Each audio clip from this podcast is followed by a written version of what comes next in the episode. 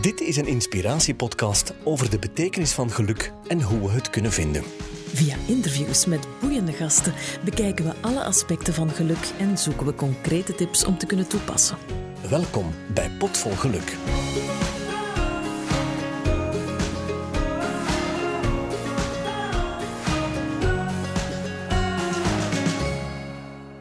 Dit is alweer een nieuwe aflevering van Potvol Geluk. En we zitten niet in onze vertrouwde studio, eh, Sophie. Leuk. Ik vind het fijn om eens in een andere omgeving eh, de podcast op te nemen. Het klinkt een beetje anders. Dat komt omdat we ergens in de Kempen vertoeven. We zijn op bezoek bij een bekend persoon. Je gaat hem misschien niet meteen van naam kennen, maar je gaat vast en zeker een product in jouw kast hebben staan. Want hij is een geluksonderzoeker. Hij is auteur van internationale bestsellers, absoluut. Hij is ook ambassadeur van geluk en levenskwaliteit. En hij is ook vooral een schrijver en een key speaker, een inspirator zoals dat heet. Hij is ook een master in talen en wijsbegeerte en hij geeft ook les aan de Erasmus Universiteit in Rotterdam. Dat is een hele mond vol, hè? Absoluut. Maar wat ik vooral onthoud is een, een, ja, een onderzoeker naar geluk. En waar kunnen wij nu beter terechtkomen met onze potvol geluk dan hier bij Leo Bormans? Super bedankt om ons te willen ontvangen hier in Leopoldsburg. Dag Leo. Ja, blij dat jullie hier zijn. Ja, fijn, dank u. Leo, ik las in mijn voorbereiding op jouw website: De wereld heeft meer dan ooit behoefte aan hoop en optimisme. Het is de grootste kracht van de mens. Dat raakt mij meteen diep. Ja. Ik heb niet alleen de World Book of Happiness geschreven, maar ook de World Book of Hope. En de World Book of Hope heb ik gemaakt in 2013, 14, 15. Uh, toen, was, toen lachte men mij uit toen ik iets uh, schreef over het begrip hoop. Er waren vrienden die tegen mij zeiden: Hoop, ik hoop niet dat ik dat ooit, ooit nodig heb. En ondertussen is het het voorbije jaar waarschijnlijk het woord van het jaar geworden. Iedereen gebruikt en misbruikt het woord hoop en perspectief en noem maar op. Maar wat weten we daar eigenlijk over? Wat weten we over dat begrip? Ik wist daar niks over. Ik dacht dat hoop iets was van engeltjes later in de hemel. En dan blijkt dat hoop dat er 300 professoren in de wereld zijn die de psychology of possibility bestuderen, het begrip hoop. En ik ben hen gaan contacteren en ik viel van mijn stoel af van wat we eigenlijk weten over dat uh, begrip hoop en hoe we dat kunnen inzetten in ons leven. Want net als bij geluk is hoop ook een deeltje maakbaar. En dat interesseert mij. Dus zowel bij geluk als liefde als hoop ben ik op zoek gegaan naar enerzijds het wetenschappelijk onderzoek uit heel de wereld. Ik heb telkens 100 professoren uit 50 landen uh, gezocht die toponderzoek leveren en, daar, uh, en hen gevraagd om in mensentaal uit te leggen, leg mij eens in duizend woorden uit, dat ik het zelf snap, waarover dat gaat. En dan zie je dat zo'n mechanisme als hoop, um, ja, uit welke pijlers dat bestaat, hoe je dat kan toepassen in jouw leven en die brug slaan tussen de Oxford Street en de Dorpstraat, bij wijze van spreken, die brug die wil ik graag geslagen hebben in mijn leven. Ja. Mhm. Heeft dat ook een relatie met geluk? Want daar zijn we vandaag voor hier. Bestaat er een connectie tussen hoop, optimisme en geluk? Ja, ja zonder twijfel. Hè. Uh, hoopvolle mensen zijn gelukkiger en gelukkige mensen zijn hoopvoller. Uh, gelukkige mensen zijn ook gezonder, uh, leven langer, zijn succesvoller. Optimisme is, is ook zoiets. Hè. Er is eigenlijk geen enkel nadeel aan optimisme. -hmm. En wat maakt dat dat zo, zo frappant is voor dat geluksgevoel? Wat, zijn dat dan die endorfines die vrijkomen? Of, of... Wat we in geluk zien, is dat men ons lang heeft wijsgemaakt dat geluk zoiets is van het moment. Je moet maar happy, happy, happy zijn en happy, happy, happy. En het individuele geluk. Maar we worden eigenlijk gelukkig van iets dat wat langere termijn uh, dingen inhoudt. En hoop is nu net dat lange termijn denken. Wat, wat, wat komt er ooit? Niet morgen, maar ooit. En wat zien we nu met die hele corona? Zien we dat mensen eigenlijk niet hoopvol zijn. Ze willen gewoon terug naar vroeger. Dat is niet vooruit, dat is terug naar vroeger. Dat is niet hoopvol. We weten dat we in een tijden van verandering zitten. Hè? Alles verandert. En alles is op heel korte tijd gigantisch veranderd. En het enige wat we kunnen denken, we hopen dat we maar rap terug op een terras kunnen zitten. Dus alsof de tijd heeft stilgestaan een jaar. Wel, dat is niet waar. De tijd heeft niet stilgestaan. En wij ook niet. En als we de goede lessen trekken uit dit gigantisch sociaal uh, experiment, dan kunnen wij nieuwe prioriteiten stellen. En die prioriteiten hebben met de essentie van hoop te maken. Mm -hmm. Maar ik vind dat hoop altijd iets, iets heeft, iets aanvoelt als hunkeren naar beter. Dat is verlangen. Ah, ja. En verlangen is net iets anders dan hoop. Hè. Hoop is optimisme met opgestroopte mouwen. Je komt in actie, je gaat dingen doen. Als, je, eh, als mensen denken, ja, ik hoop, ik hoop dat morgen niet gaat regenen. Ja, daar moet je niks voor doen. Hè. Dat is niet hopen. Hè. Ja, maar ik ben Hopen hoopvol dat geen- dat ik die nieuwe job ga binnenrijven. Ja, ja. Ik geloof in mezelf. Ik geloof in mezelf. Ik, eh, ik, ik gebruik de vaardigheden in mijn leven die ik geleerd heb of die ik nog kan bijleren, om mijn toekomst zelf in handen te nemen. Hè. De drie grote pijlers van hoop zijn eh, agency. Ik neem de verantwoordelijkheid van mijn eigen leven om doelstellingen te bereiken, goal setting, via pathway thinking. Dat zijn de grote pijlers van hoop. Als ik de heel dat onderzoek van hoop, het zijn honderden, duizenden bladzijden, kun je samenvatten in drie woorden. Het gaat over, ik stel mezelf een doel, en dat doel kan heel groot zijn, maar een groot doel kan je opdelen in kleine doelen. Dat is goal setting.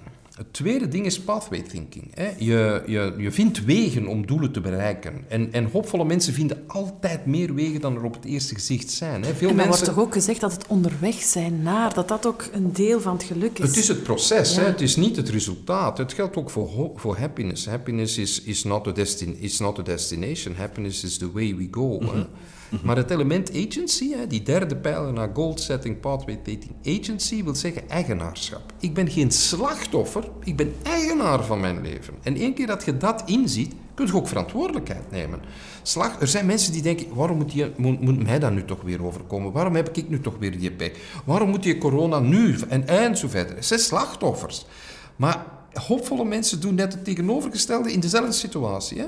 Gaan eigenaarschap opnemen voor hun leven. Stellen doelen, vinden wegen om die doelen te bereiken en doen dat in samenwerking met andere mensen. Dat is een essentieel ding van hoop. En wat met leven in het moment? Leven in het moment, dat is prima. Men leert u dat ook dikwijls. Men zegt geluk en mindfulness en, en je, moet eh, heel bewust zijn van het leven. Dat is waar. Maar Ja, dat is ik maar soms een deeltje denk, van het leven. Zeker mijn generatie, wij zijn te gefocust op goals en altijd maar beter en vooruit. Ja, maar wat maar op goals, zich wel ja, goed er is, vanaf maar... hoe dat je die goals invult. Hè. Als je die goals invult naar ik wil een Ferrari, of ik wil een groot huis, ik wil twee huizen, ik wil een buitenverblijf, ik wil een zwembad. eh, Dat, gaat, dat is onuitputtelijk natuurlijk. Dat zijn geen doelen. Hè. Een doel is iets anders dan een middel. Hè. Er, zijn, er is een verschil tussen een middel, een doel en een wens. Hè. Voor een wens, daar moet niks voor doen. Hè. Je wenst van alles. Hè. De mens kan van alles wensen, maar daar moet echt niks voor doen. Hè. Er zijn mensen die denken... Er zijn presidenten die denken dat dat virus weggaat zonder iets te doen. Hè. Dus magic, magic stick gaat komen. Hè. Dat denken mensen. En mensen maken dat ook andere mensen wijs. Hè. Dus dat, een wens, dat is iets totaal anders. Hè. Daar moet je vooral niks voor doen. Er is een heel belangrijk verschil tussen een doel en een middel. En mensen verwarren die dingen. Als je, als je mij zegt, hè, als ik aan mensen vraag, wat is jouw doel? Ah, ik wil een wereldreis maken. Dat is geen doel, dat is een middel. Want een doel is, is iets groter, is, is veel groter. Dat kan bijvoorbeeld zijn, ik wil een avontuurlijk leven leiden. Als dat een doel is, dan zeg ik, heb je al eens gepraat met uw Marokkaanse buurman? Want dat is even groot middel dan een wereldreis maken. Nee, met mijn Marokkaanse buurman heb ik nog niet, niet gebabbeld, maar ik ga wel naar Indonesië of naar Java op een, op, een, op een rafting zitten. Wel, dat zijn middelen. En hetzelfde is mensen die tegen mij zeggen... "Ah, ik kom ongelooflijk veel mensen tegen die zeggen dat ze ook eens een boek gaan schrijven. Hè. Ik ga een boek schrijven. Hè. Mijn leven, och, dan moet ik, ik zou eens een boek moeten schrijven. Ik heb daar maar één antwoord op. Pak een pen en papier en begin eraan. hè. Juist. That's the thing. Er, dat is namelijk een middel. Een, een, een doel kan zijn, ik wil, ik wil mensen inspireren, of ik wil ervaringen delen, of ik wil mijn gevoelens uiten. Maar dat kunt ook met, met, met een gedichtje voor uw buurman te schrijven. Hè? Dat zijn doelen. Grote dingen zijn, ik wil, ik wil avontuurlijk zijn, ik wil iets betekenen voor andere mensen. Ik wil, uh, ik wil een creatief leven leiden. Ik wil liefde ervaren. Ik wil gelukkig zijn. Dat zijn doelen. En de rest zijn middelen. Hè? En dat is een heel belangrijk onderscheid dat we kunnen maken in ons leven en dat we ook aan jonge kinderen kunnen leren. Een Ferrari is nooit een doel. En jij hebt vast zo hele grote doelen gehad, want je hebt heel belangrijke mensen ontmoet. Ik ga ervan uit dat dat ook jouw doel was om bijvoorbeeld Herman van Rompuy te ontmoeten of om Ellie, eh, Ellie, Elio Di Rupo te ontmoeten, Kofi Annan. Die mensen hebben allemaal geholpen om jouw boeken te promoten. Dat was absoluut geen doel. absoluut niet. Dat zijn, toevalligheden in mijn leven, zal ik maar zeggen. Maar toeval en noodlot bestaan uh, niet. Hè. Dat zijn dingen die je een beetje kan sturen. Maar ik had niet een plan uh, van... Ik, ik ga niet Herman van Rompuy, dat was helemaal niet mijn plan. Het was helemaal niet mijn plan Kofi Annan te ontmoeten. Kofi Annan heb ik bij toeval ontmoet. Ik, uh, ik, wij mochten samen duizend jongeren toespreken uit heel de wereld. En we waren de twee keynote speakers. Mm -hmm. uh, nu, ja, is dat toeval? Ja, dat is toeval, want ik heb Kofi Annan daar niet uitgenodigd. Maar dat klikte enorm met die mens en ik heb een heel aangename ontmoeting en hij is ook voor mij een inspiratiebron geweest. En toen ik hem vroeg om de inleiding voor de World Book of Hope te schrijven, was hij niet geneigd om dat te doen. Maar ik heb hem toch toe overtuigd, want hij heeft nog nooit de inleiding geschreven van een boek, maar voor de World Book of Hope wel. heeft het eerste hoofdstuk geschreven? Ja, en dat, dat is, u hebt dat heel goed gemerkt, want ik mocht het niet inleiding noemen. Ah ja, oké. Okay. Want als ik het inleiding noemde, zei hij, dan ga ik akkoord met alles wat er in dat boek staat. En dat boek was nog niet af, dus ik kan het niet weten, zei ja, hij. Ja. Maar ik wil, ja, dus ik kan die inleiding niet schrijven, want uh, ik, kan niet, ik weet niet of ik akkoord ga met al die onderzoekers die erin staan. Ik zeg, ja, maar... En never give up, hè. je moet never give up. En ik zei hem toen, natuurlijk niet tegen hem, maar tegen zijn secretaresse, als hij nu niet de inleiding schrijft, maar het eerste hoofdstuk, dan is dat probleem toch opgelost. Fantastisch. That's right, zei ze. En sindsdien heeft hij het gewoon het eerste hoofdstuk geschreven en niet de inleiding. En u had dat heel goed gelezen. Uh, er zijn heel weinig mensen die dat opmerken, dat verschil. Zou het kunnen dat het toeval dat dat het resultaat was van het doel dat jij voor ogen had? Mijn doel is... Uh, ja, dat klinkt natuurlijk heel groot als mensen gaan zeggen: Mijn doel is. Hè, uh, ik beteken graag iets. Mm -hmm. En dat, betekent, dat geldt voor de meeste mensen. Hè. De meeste mensen betekenen graag iets. En dat is het derde niveau van geluk. Hè. Het eerste niveau ja. is de pleasant life. Hè. Je wil iets leuks doen. Het tweede niveau is de, de engaged life. Je wil dingen doen. Hè. En het derde niveau is de meaningful life. Je wil betekenisvolle dingen doen. En ik wil betekenisvolle dingen doen. En voor mij, in mijn leven, en dat geldt niet voor andere mensen, hè, in mijn leven geldt het dat ik betekenis haal uit iets betekenen voor andere mensen. En liefst grellig, zoals we dat dan hier zeggen. Ik maak altijd iets grellig. Ja. Dus het moet voor veel volk zijn. Als ik dan een boek ga schrijven over geluk, de uitgever heeft mij dat gevraagd, omdat, maar ik had niet een plan om een boek te schrijven over Oei. geluk. De uitgever kwam naar mij en zei, ja, wij willen eigenlijk een boek maken over geluk. Tien jaar geleden was dat geen woord, uh, happiness. Dat, dat, niemand sprak daarover. Mhm. Maar wij denken dat dat een trend gaat worden in de toekomst en we zouden graag hebben dat jij een boek over geluk zou schrijven. Ik zeg, ik weet niks over geluk. Daarom vragen we het jou net, zei ze, omdat jij, jij kunt op zoek gaan naar geluk, je bent een goede journalist. En dat was ik wel. En toen ben ik op zoek gegaan naar geluk. Ik ben niet zo'n goeroe die in het licht heeft gezien. Hè. Er zijn Nee, heel veel van dat soort geluksmensen die, die zeggen... Ik heb op een bepaald moment eh, eh, het licht gezien aan het einde en, en, en, en ik heb 17 echtscheidingen en 18 chemotherapieën meegemaakt en nu weet ik wat dat er echt belangrijk is. Ik heb niks van die dingen meegemaakt. Op, op een bepaald moment vraagt een uitgever, wilt je een boek maken over geluk? Ik zeg... Ja, maar dan wil ik wel het boek maken over geluk. Ik ga niet een boek maken, dus ik ga niet a book of happiness maken, maar the book of happiness. En ik google dat en er staat, dat bestaat niet. En ik denk, nog. Heerlijk.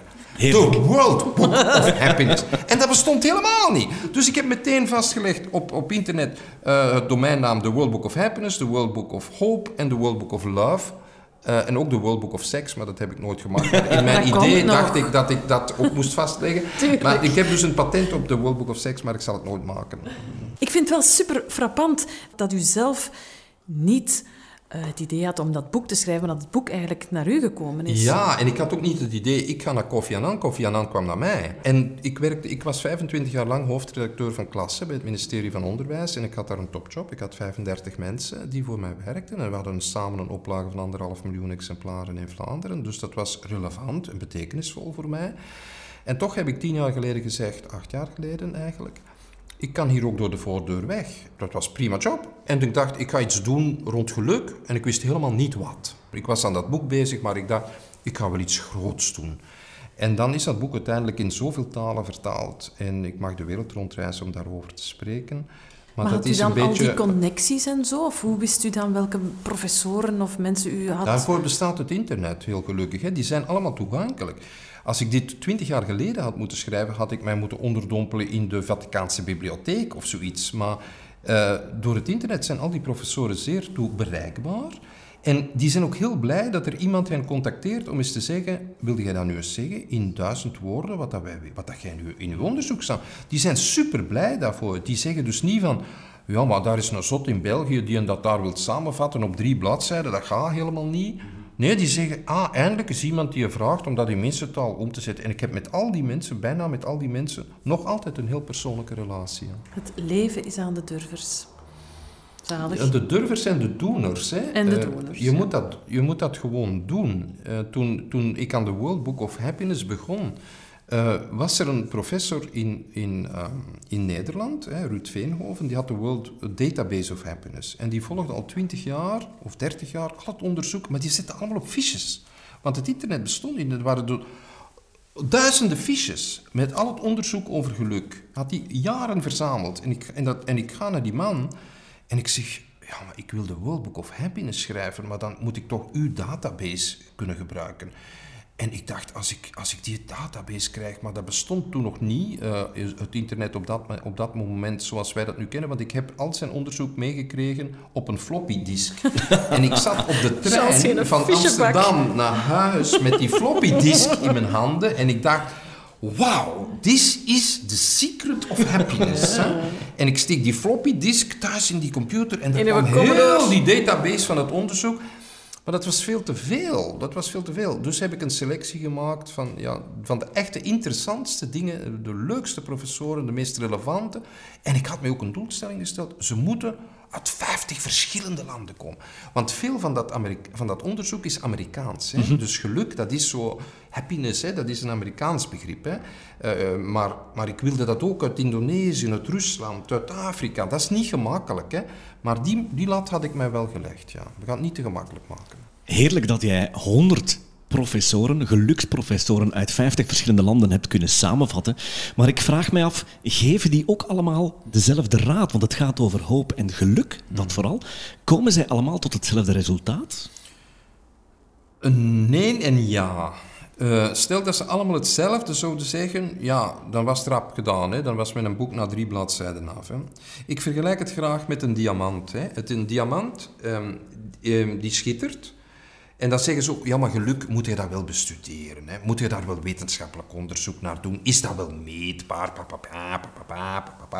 En dan denk ik, ja, ik, ik, ik kap geluk niet kapot. Dat is een diamant. En je laat daar 100 lichtjes opschijnen uit 50 landen. En dan schittert die nog harder. Ik heb die een diamant niet, niet moet die een diamant niet kapot kappen. Hè. Ik kan die lichtjes daar laten opschijnen. En dat is met ons leven ook zo. Hè. Je moet je leven eigenlijk bekijken als een diamant. Je moet die niet kapot analyseren. Hè. Je laat daar lichtjes op schijnen. En als je met andere mensen praat over jezelf en over de anderen, in coaching, in life coaching of in, in, in gesprek, wij bestaan maar door de anderen. Hè. Wij bestaan maar door de anderen. Ik heb geen, het heeft geen enkele zin als ik hier mijn uitleg zit te doen en, en jullie zijn hier niet. Dan besta ik niet. Hè? Ik besta maar, ik groei maar, ik evolueer maar, ik kan maar gelukkig zijn in relatie met de ander. En dat is ook dat licht dat op die diamant schijnt. En dat wij samen kunnen doen. Ja. Mhm. Wat heb je het, het meest geleerd uit dit onderzoek? Wat, wat is geluk? Geluk is zonder twijfel een universele drang. Hè? Dus als je met mensen uit heel de wereld spreekt, dan zeggen ze: ja, Ik wil eigenlijk gelukkig zijn. Ik wil dat mijn partner gelukkig is, dat mijn vrienden, mijn familie gelukkig is, dat de samenleving gelukkig is. Daarin zijn we nogal vrij uh, gemeenschappelijk hoor. Uh, we willen, iedereen voelt dat natuurlijk een beetje anders in. Hè? Dat is cultureel bepaald. Hè? En dat is ook door je opvoeding bepaald. Hè? Er zijn mensen die, die.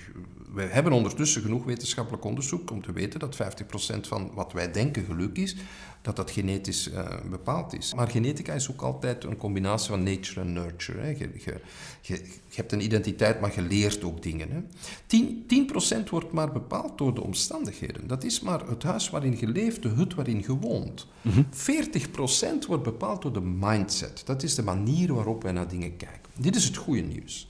Want die mindset kunt je veranderen. Dat is, het, dat is het veranderbare deel. Ik kan de werkelijkheid niet veranderen. De werkelijkheid is een interpretatie. Ik zie door een bepaald kader, een bepaald venster, zie ik een werkelijkheid. De manier waarop ik naar die werkelijkheid kijk, kan ik veranderen. Ik hoef niet 100% gelukkig te zijn elke dag op elk moment van mijn leven. Dat is niet haalbaar, niet wenselijk en niet doenbaar. Maar als ik weet dat die 40%, en voor mijn part is maar 20% of maar 10%, kan me niet schelen hoeveel het is. Het gaat erom dat er een deeltje maakbaarheid van ons geluk is. En dat vond ik een, een verhelderend ding. Daarom heb ik nadien ook, ik heb ondertussen meer dan 20 boeken en producten gemaakt, die allemaal daartoe leiden naar actie ondernemen en zelf invullen van wat kan ik nu ondernemen in dat deeltje van maakbaar geluk. En dat doen we voor kinderen, dat doen we voor oude mensen, dat doen we voor... Ik, ik geef lezingen in de gevangenissen, ik spreek met de imams, ik spreek met mensen in heel moeilijke omstandigheden, ik spreek in onderwijs, in zorg. En dat zijn altijd heel, heel intense ervaringen. En wat helpt mensen in moeilijke omstandigheden dan het meest? Hoe kan je ik, hen... leer het meest, ik leer het meest van hen en niet zij van mij. Hè. De, de belangrijkste ontmoeting die ik in mijn leven heb gehad is met een Afghaanse vluchteling die ik hier in Leopoldsburg ontmoette toen hier 500 vluchtelingen aankwamen in het vluchtelingenkamp en iedereen bang was. Iedereen kroop uh, in, er was hier een volksbetoging en, en, een vergadering in het gemeentehuis en wat gaan die? Die gaan ons kinderen verkrachten en die gaan, uh, mogen die hier zomaar los rondlopen. En op de dag dat die arriveren, staat hier in de straat. Uh, mijn vrouw en ik gaan in de straat kijken en zeggen: waar zijn die 500 vluchtelingen nu? En daar staat een papa, mama, twee kindjes. En wij zo: hallo, are you refugees? Uh, yes, uh, where do you come from? Ah, Afghanistan, you speak English? Yes, bit. Shall we drink a cup of coffee? En dat heeft mijn leven veranderd. Wow. Ik ben op die manier door de ogen van die vluchteling naar onze wereld gaan kijken. En ik ontdekte dus drie keer het land uitgezet. We hebben een menselijk schild gevormd met 100 mensen die dat gezin beschermd hebben. Om 50 cent per dag, dat is niet veel. 50 cent, dat is niet veel. Maar als je met 100 cent hebt, je 1500 euro per maand om een huis te huren, de kinderen naar school te kunnen laten gaan en eten en drinken te bepalen. Ze heeft uh, drie jaar, vier jaar strijd gekost om die erkenning te krijgen, omdat hij met de dood bedreigd is door de Taliban. Maar uh, we hebben daarover nu een boek geschreven. En ik ben uitgenodigd door de staatssecretaris. Ik ben bij VetAsiel geweest. We zijn bij UNHCR geweest de voorbije weken. Iedereen zegt dit is een eye-opener. Maar het was voor mij ook een eye-opener. Want hij is de meest hoopvolle mens. De meest gelukkige mens die ik in mijn leven ken. Maar hij heeft zijn zoontje verloren onderweg. Hij, is, heeft zijn hele familie zien uitgemoord worden. Zijn vader vermoord. Honderden aanslagen meegemaakt. Uh, maar hij is... Hij is ik heb dan heel dat wetenschappelijk onderzoek gedaan en, en, ik kom dan van die wereldreis thuis en dan staat daar op de hoek van mijn straat de grootste en armste sloeber uit het armste land en het ongelukkigste en meest corrupte land van de wereld. En hij leert mij wat de essentie is van geluk en hoop. En dat toont dat wij eigenlijk allemaal mensen zijn. Mensen die op zoek zijn naar een beetje geluk, een betekenis, en ik vroeg hem gisteren nog, ik zeg, hij is nu op tv geweest en we hebben dat boek gelanceerd, dus het is een bestseller. Er zijn heel veel mensen die het lezen. De Knikkers van Kadir. En wij, uh, hij is een voorstelling gemaakt met Stefan Perceval, is op tv en, en Podium 19 geweest en Zwart Zwart. Maar ik vroeg hem gisteren, zou jouw papa, die vermoord is omwille van hem, nu fier zijn op jou? Zou hij trots zijn? En weet je wat hij antwoordde? Ja, mijn papa zou trots zijn, zei hij, maar niet omdat ik op tv ben geweest of omdat ik een boek heb gemaakt. Hij zou zeggen, ik ben trots op jou omdat jij iets goeds gedaan hebt met het leven dat jou gegeven is. En dat goede heb je gedaan voor andere mensen. En dat is de essentie van geluk. Als jij op het einde van jouw leven kan zeggen, ik heb iets goeds gedaan met het leven dat mij gegeven is en dat goede kwam ten goede van andere mensen, dan heb jij een betekenisvol leven geleid. En dat kan elke mens doen, ook in de moeilijke omstandigheden, omdat uw vraag ging over moeilijke omstandigheden. Ik ken een mevrouw die in een aftakelingsziekte heeft. En die gaat er elke dag op achteruit. De ene dag kan ze van de ene dag op de andere in een rolstoel, dan kan ze geen ei meer bakken en de volgende dag gaat er altijd op achteruit. Ze is de meest hoopvolle persoon die ik ken. Ik kom altijd blijer buiten dan dat ik binnen ga. Omdat mensen ook in moeilijke omstandigheden, en vooral mensen, zelfs mensen in moeilijke omstandigheden, zien altijd dat licht in het donker dat er toch is. Natuurlijk kunt je klagen en zagen over alles wat er is. Dat kan ik, hè. Je kan zeuren over alles en nog wat. Maar het hangt ervan af met wat je u vergelijkt. Hè. Dus wie de regen niet gevoeld heeft, kan de zon niet appreciëren? Zo is dat, ja. Wit is maar wit naast zwart dan. Maar ik wens u geen ongeluk toe, daar gaat het niet over. Ik ga met die vluchteling naar de Efteling.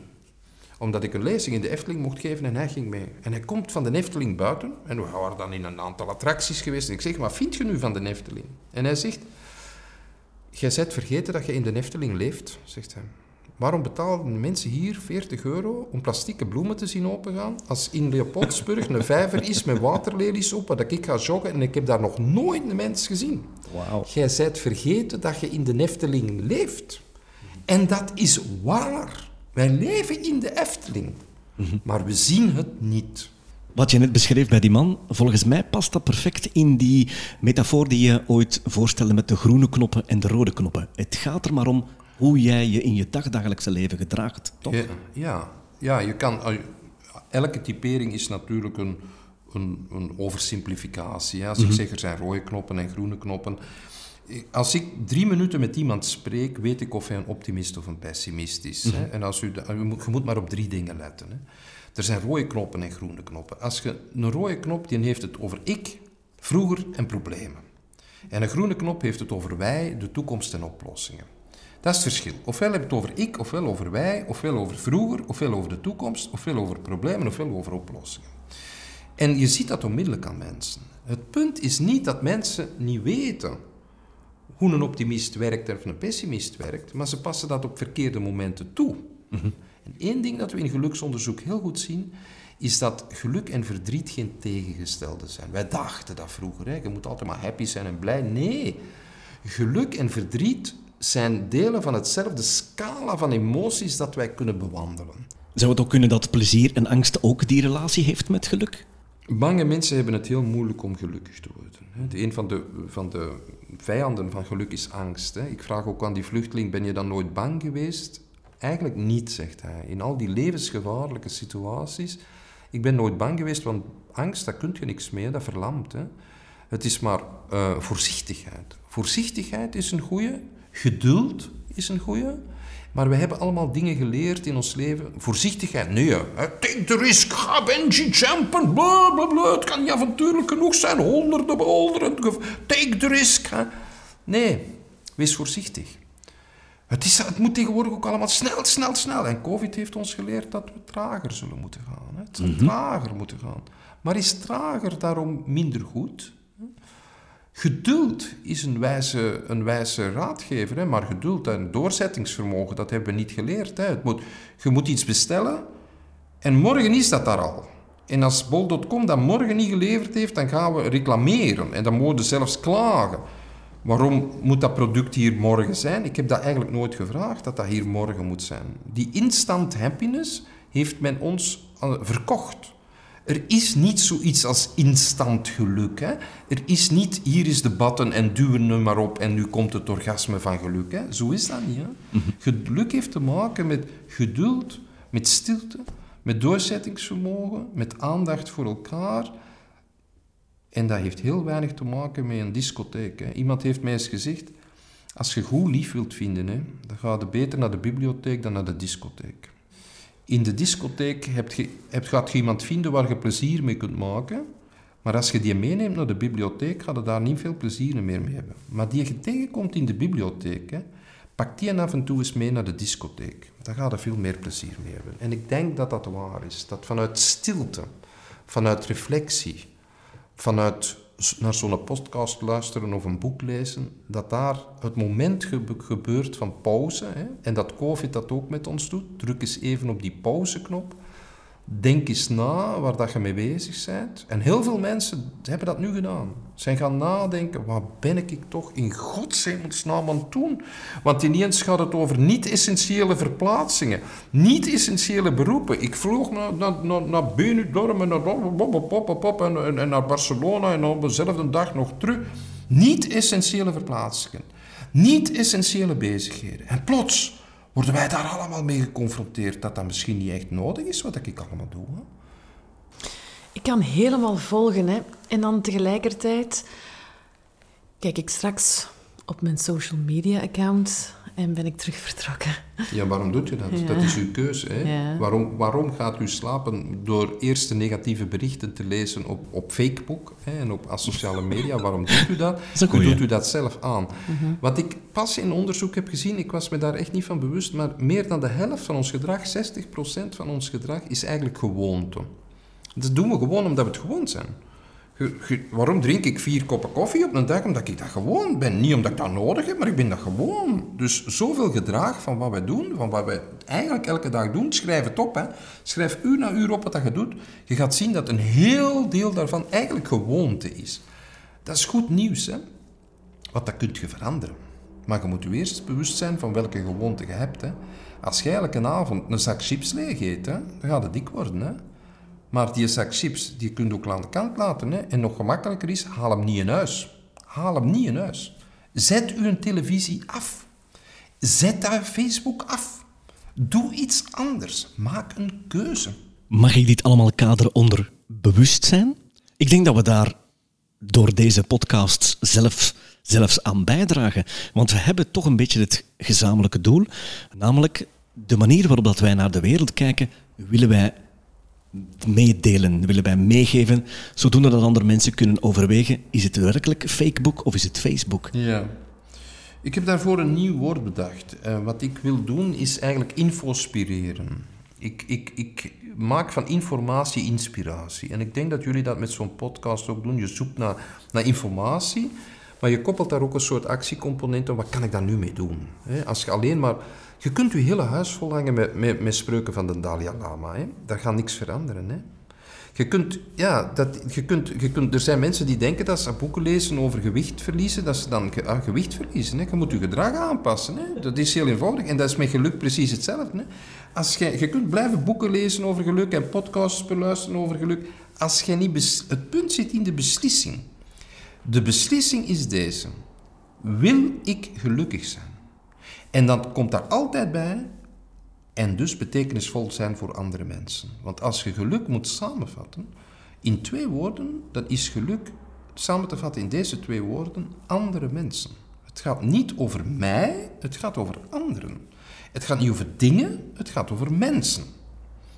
En u bent altijd een andere mens voor een andere mens, voor een andere mens, voor een andere mens. Wij, wij zijn sociale dieren. En ons geluk zit in het sociale, in het delen. Men heeft ons lang gezegd, l'enfer c'est les autres. Hè. Nee, l'enfer c'est le manque des autres. Hè. Als die anderen daar niet zijn, dan worden wij ongelukkig. En wij hebben dat goed gezien met corona. Hè. Wat missen we? Wat zeiden in Gods hemelsnaam nu met twaalf paar schoenen als je niet buiten mocht om te gaan wandelen? Wat zeid je daarmee? Inderdaad. Wat zeiden nu met al die spullen waar dat we onze huizen mee volgestoten hebben? Wij missen de ander. Wij missen die aanraking. Wij missen die ogen van de ander. Wij missen, wij missen die, die adem, dat samen dingen mogen doen. Waar dat we vroeger allemaal over aan het zeuren waren, missen we nu eigenlijk de ander. En we missen geen enkel object. Hè. Er is geen enkel voorwerp dat we missen. Hè. Want onze huizen zitten vol met dingen die we niet nodig hebben. Het enige wat we echt missen is menselijk contact. Want dat is ook de kern van geluk. Daarin zit ook hoop, hè. daarin zit geluk, daarin zit liefde. En dan zie ik, hè, als ik dat dus voor kinderen vertaal nu bijvoorbeeld. Hè, dus ik heb zo'n reeks Felix zoekt geluk voor kinderen. En dat zijn telkens drie werkwoorden. Het gaat over spelen, lachen, kiezen, over zingen, over helpen, over zoeken. Het zijn allemaal dingen die kinderen spontaan doen. Spelen, lachen, zingen, verstopperken spelen. Hoe leuk is dat? En we hebben dat allemaal afgeleerd in de loop van de jaren. We hebben allemaal afgeleerd en dan gaan we dure cursussen volgen en dan gaan we opleidingen volgen om terug dat kind in ons dat verwonderd was, dat lachte, dat zong, dat speelde, te ontdekken. En dan komt je helemaal op het einde van je leven en mijn zoon doet onderzoek naar demente mensen, bij, bij mensen met dementie. Hij schrijft daar ook boeken over. En ik was gisteren met hem daarover bezig, dat eigenlijk die cirkel, want hij is nu bezig met het intergenerationele. En hij kijkt, hij, kinderen en hele oude mensen, die verstaan elkaar heel goed. Vroeger zeiden wij ook, een demente mens, die werd kind. Hè. Ze zeiden dat je kind werd. Hè. Dus je, je, je vindt terug die essentiële waarden van zingen, spelen, dansen, zoeken. En gisteren zei mijn Afghaanse vriend, Weet jij dat die boeken die jij schrijft, zijn, die zijn verboden in Afghanistan? En de Taliban zullen al uw werkwoorden verbieden. Zingen is verboden door de Taliban. Muziek maken is verboden door de Taliban. Uh, eigen keuzes maken, dat mocht je niet. Spelen, zelfs lachen is door de Taliban verboden. Hè. Mensen die lachen zijn verdacht. Hè. Dus al die essentiële dingen, je ziet in heel ongelukkige landen, pakken ze dat af. In al die landen, wij zijn de gelukkige landen in de wereld, maar we beseffen dat niet. Hè? Mhm. Maar wij hebben al die kansen om, om ons leven te mogen leiden. Er zijn meer optimisten in de wereld dan pessimisten. Alleen maken de pessimisten meer lawaai. Ze maken gewoon meer lawaai. En het wordt tijd dat de optimisten wat meer lawaai maken. Hè? En we hebben dat eigenlijk ook gezien in het begin van corona met die witte lakens en die muziek en dat zingen. Hè? we zijn het alweer verleerd. Hè? Het probleem is niet weg, maar we zijn toch de witte lakens al maar terug gaan binnenhangen. Hè? Dus we zijn van korte duur. Hè? Het is een beetje die korte, kortzichtigheid laat ons terug, vooral maar teruggaan naar vroeger. Er mogen zijn. Hè? Dat is cruciaal.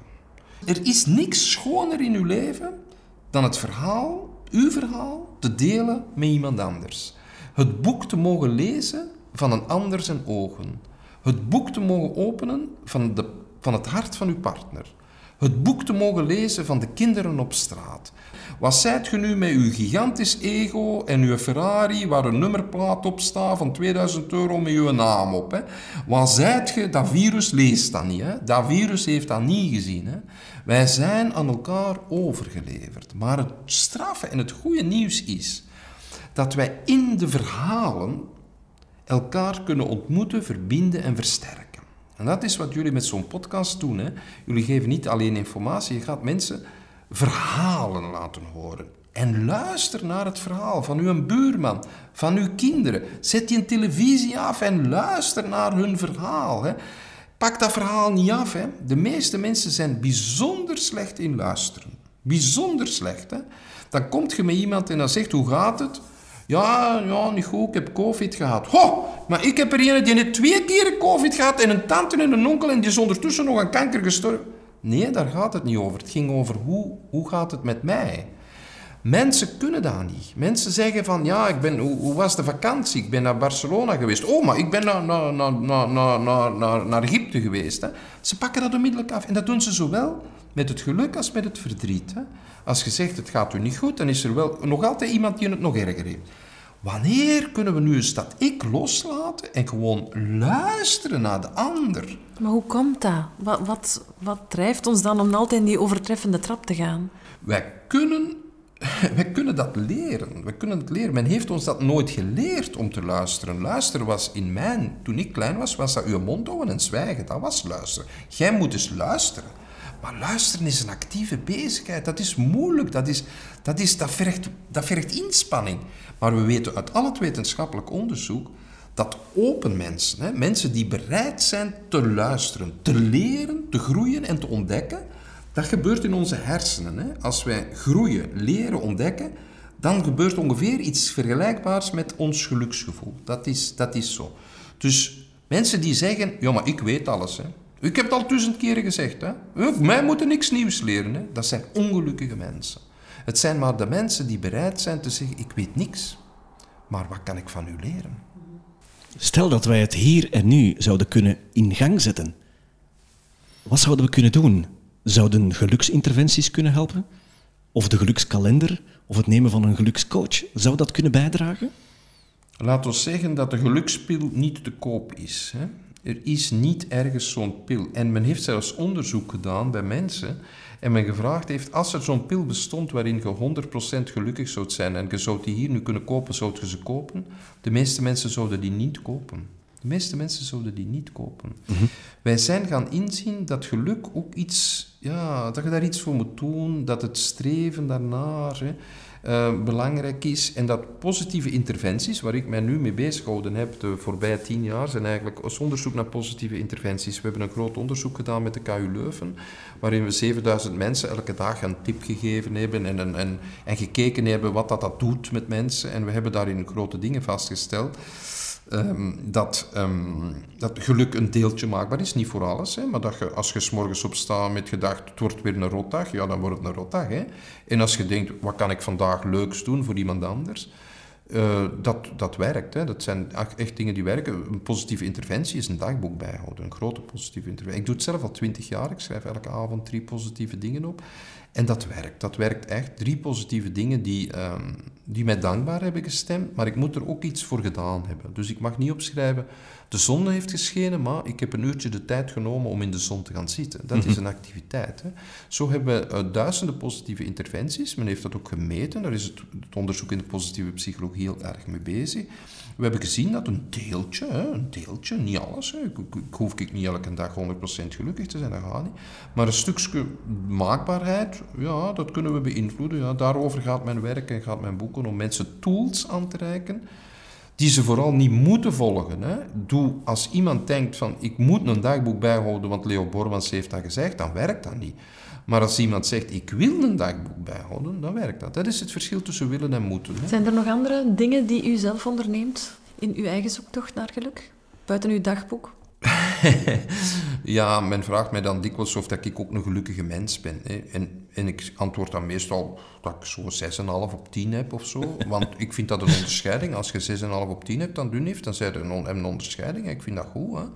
Dus eh, 7 op 10 vind ik al uitstekend. Uh, ik hoef niet 10 op 10 te hebben elke dag. Dat is niet haalbaar, niet doenbaar en niet wenselijk. Het is niet omdat je geluk onderzoekt dat je elke dag uh, fluitend door het leven moet gaan. Ik heb mijn pijn, mijn zorgen en verdriet zoals elke mens. Daar gaat het niet over. Maar ik heb wel het gevoel dat ik, um, door met dat onderzoek bezig te zijn, bewuster bezig ben met dat deeltje dat ik zelf in handen heb. Uh, ik was deze week nog met iemand gaan wandelen en die zei, ja, wandelen is dan nu de, de bezigheid maar. Maar mijn kameraad zei, ha, we hebben toch geluk gehad met weer. Ik zeg, nee, we hebben een goed moment uitgekozen om te gaan wandelen. Dat is nu mijn attitude. Ik, ik heb het gevoel dat ik omringd, dat ik in een complot zit van mensen die mij gelukkig willen maken. Ik leid dan, ik leid aan positieve paranoia, dat is echt waar. Hè? Ik denk dus echt dat mensen in het complot zitten om mij gelukkig te maken. Jullie zijn vandaag naar hier gekomen om mij de indruk te geven dat ik interessant ben en dat ik iets te vertellen heb en dat draagt bij tot mijn geluk. Dus straks schrijf ik in mijn dagboek uh, dat Luc en Sophie hier geweest zijn en dat ik... Uh, dat, dat dat een fijn gesprek geworden is en dat we weer nieuwe mensen gaan bereiken met ons verhaal. Hè. En jullie zitten in het complot om mij gelukkig te maken. Maar ik zit ook in het complot om u gelukkig te maken. Absoluut. En jullie zitten in het complot van die mensen die nu aan het luisteren zijn, om hen ook gelukkig te maken. En die gaan daar morgen iets over zeggen tegen hun kinderen of tegen hun partner. En die denkt, godverdikke, die zit ook in het complot. En als ik s'morgens bij de bakker binnenkom en die heeft al van vier uur s morgens die pistolet staan bakken, dan denk ik, die mens zit in het complot om mij gelukkig te maken.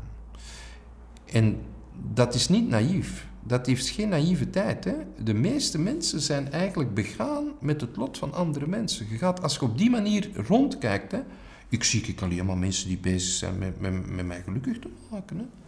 Zalig. Het is een heerlijke gedachte om te beseffen dat wij allemaal een onderdeel zijn van mekaars netwerk. Ja. Tot slot, als je even mag vooruitkijken, wat zou jij nog willen ondernemen om deze wereld toch een stukje beter te maken? Ja, veel mensen zijn voortdurend bezig met plannen maken. Hè. What's next? What's next? Wat is, uw, hè? wat is uw volgende project? Wat is uw volgende boek? En wat, is uw, en wat gaat er nu doen? En, en waar, waar gaat er nu op reis? En als de covid gedaan is, op welk terrasje gaat er dan zitten? En, en het automaat volgen en het volgende. Een heel belangrijk inzicht is, houden wat er is, vergt ook een inspanning. Ik hoef niet op de bovenste top van de Himalaya te staan. Als dat ervan komt, zal dat wel komen. Maar dat is niet wat mijn ambitie is. Als ik een beetje gelukkig ben en ik ben een beetje gezond en ik heb een beetje vrijheid en ik heb een beetje vrienden en ik kan dat houden. Ik ga dat niet, ik ga niet denken, ik mag het niet verliezen, dat is een ander ding. Want dan word je bang en dan komt er niet meer buiten. Hè? Maar ik, ik, ik wil dat behouden. Ik wil mijn vrienden koesteren. Dat betekent, ik ga vanavond toch nog de Dirkjes bellen om te zien of we niet nog een blokje kunnen rondwandelen. Hè?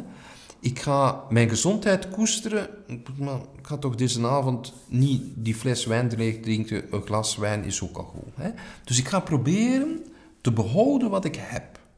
En daar dankbaar voor zijn en dat, die dankbaarheid delen met mezelf in, in een soort ja, welbevinden, hè, dat wat langer is dan het, de fun, fun, fun van de dag. Hè. Ik ben niet de vrolijkste mens van de wereld. Hè. Mensen denken ook dat ik altijd... Je ziet er precies altijd zo triestig uit. Maar ben ik niet triestig. Ik ben ik gewoon rustig. En ik denk na over het leven. En dat maakt mij een beetje dankbaar. En dat is iets anders dan dat ik elke dag ehm, happy, happy moet zijn. In dankbaarheid hoor ik ook nederigheid. En ik ben enorm nederig voor dit gesprek. Ik vond het uh, zeer verrijkend, warm ook. Um, en ik hoop dat onze luisteraars dat ook vinden. Ik heb nog één klein vraagje aan het einde van dit gesprek. Wij vragen onze sprekers of onze geïnterviewden om heel kort een tekening, een woord of een schets te maken van hoe zij geluk zien. Ik ga een kader tekenen uh, waarin een mens kijkt, uh, kijkt een, kader. Maar dat kader kan zowel een spiegel zijn als een kader waar hij kan doorkijken. Um, dat is voor mij geluk. Uh, het begin van een soort zelfreflectie. Um, ik ga in, in, het, in het verhaal Felix zoekt geluk, hebben zo'n klein ventje van twee jaar en hij gaat alles zoeken. Hij gaat in de kamer zoeken naar iets liefs en hij vindt zijn beer. En hij gaat iets, vinden, iets zoeken dat stil is en hij vindt zijn mama. En hij gaat iets zoeken dat, uh, dat inspirerend is en dat is een boek. En op het einde doet hem de kleerkast open en ziet hem in de spiegel zichzelf. En hij zegt, maar eigenlijk ben ik ook lief en zacht. En ik ben zo ook een boek. En hij ontdekt zichzelf. En dat vind ik mooi.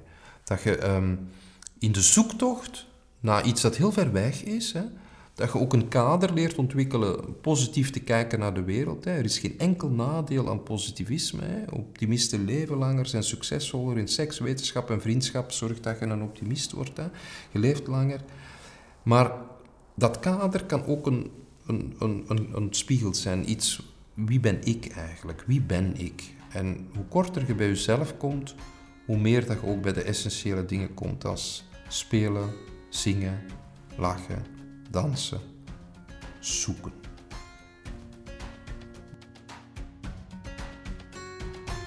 Heb je inspiratie gevonden uit deze aflevering of kan je het aanbevelen aan anderen? Like of share onze podcast via iTunes, Spotify of jouw podcast-app. Of geef ons een review. Deel ook gerust je eigen ervaringen via onze social media kanalen of via potvolgeluk.be. Deze podcast is een samenwerking tussen School of Luck en Gabriel's House.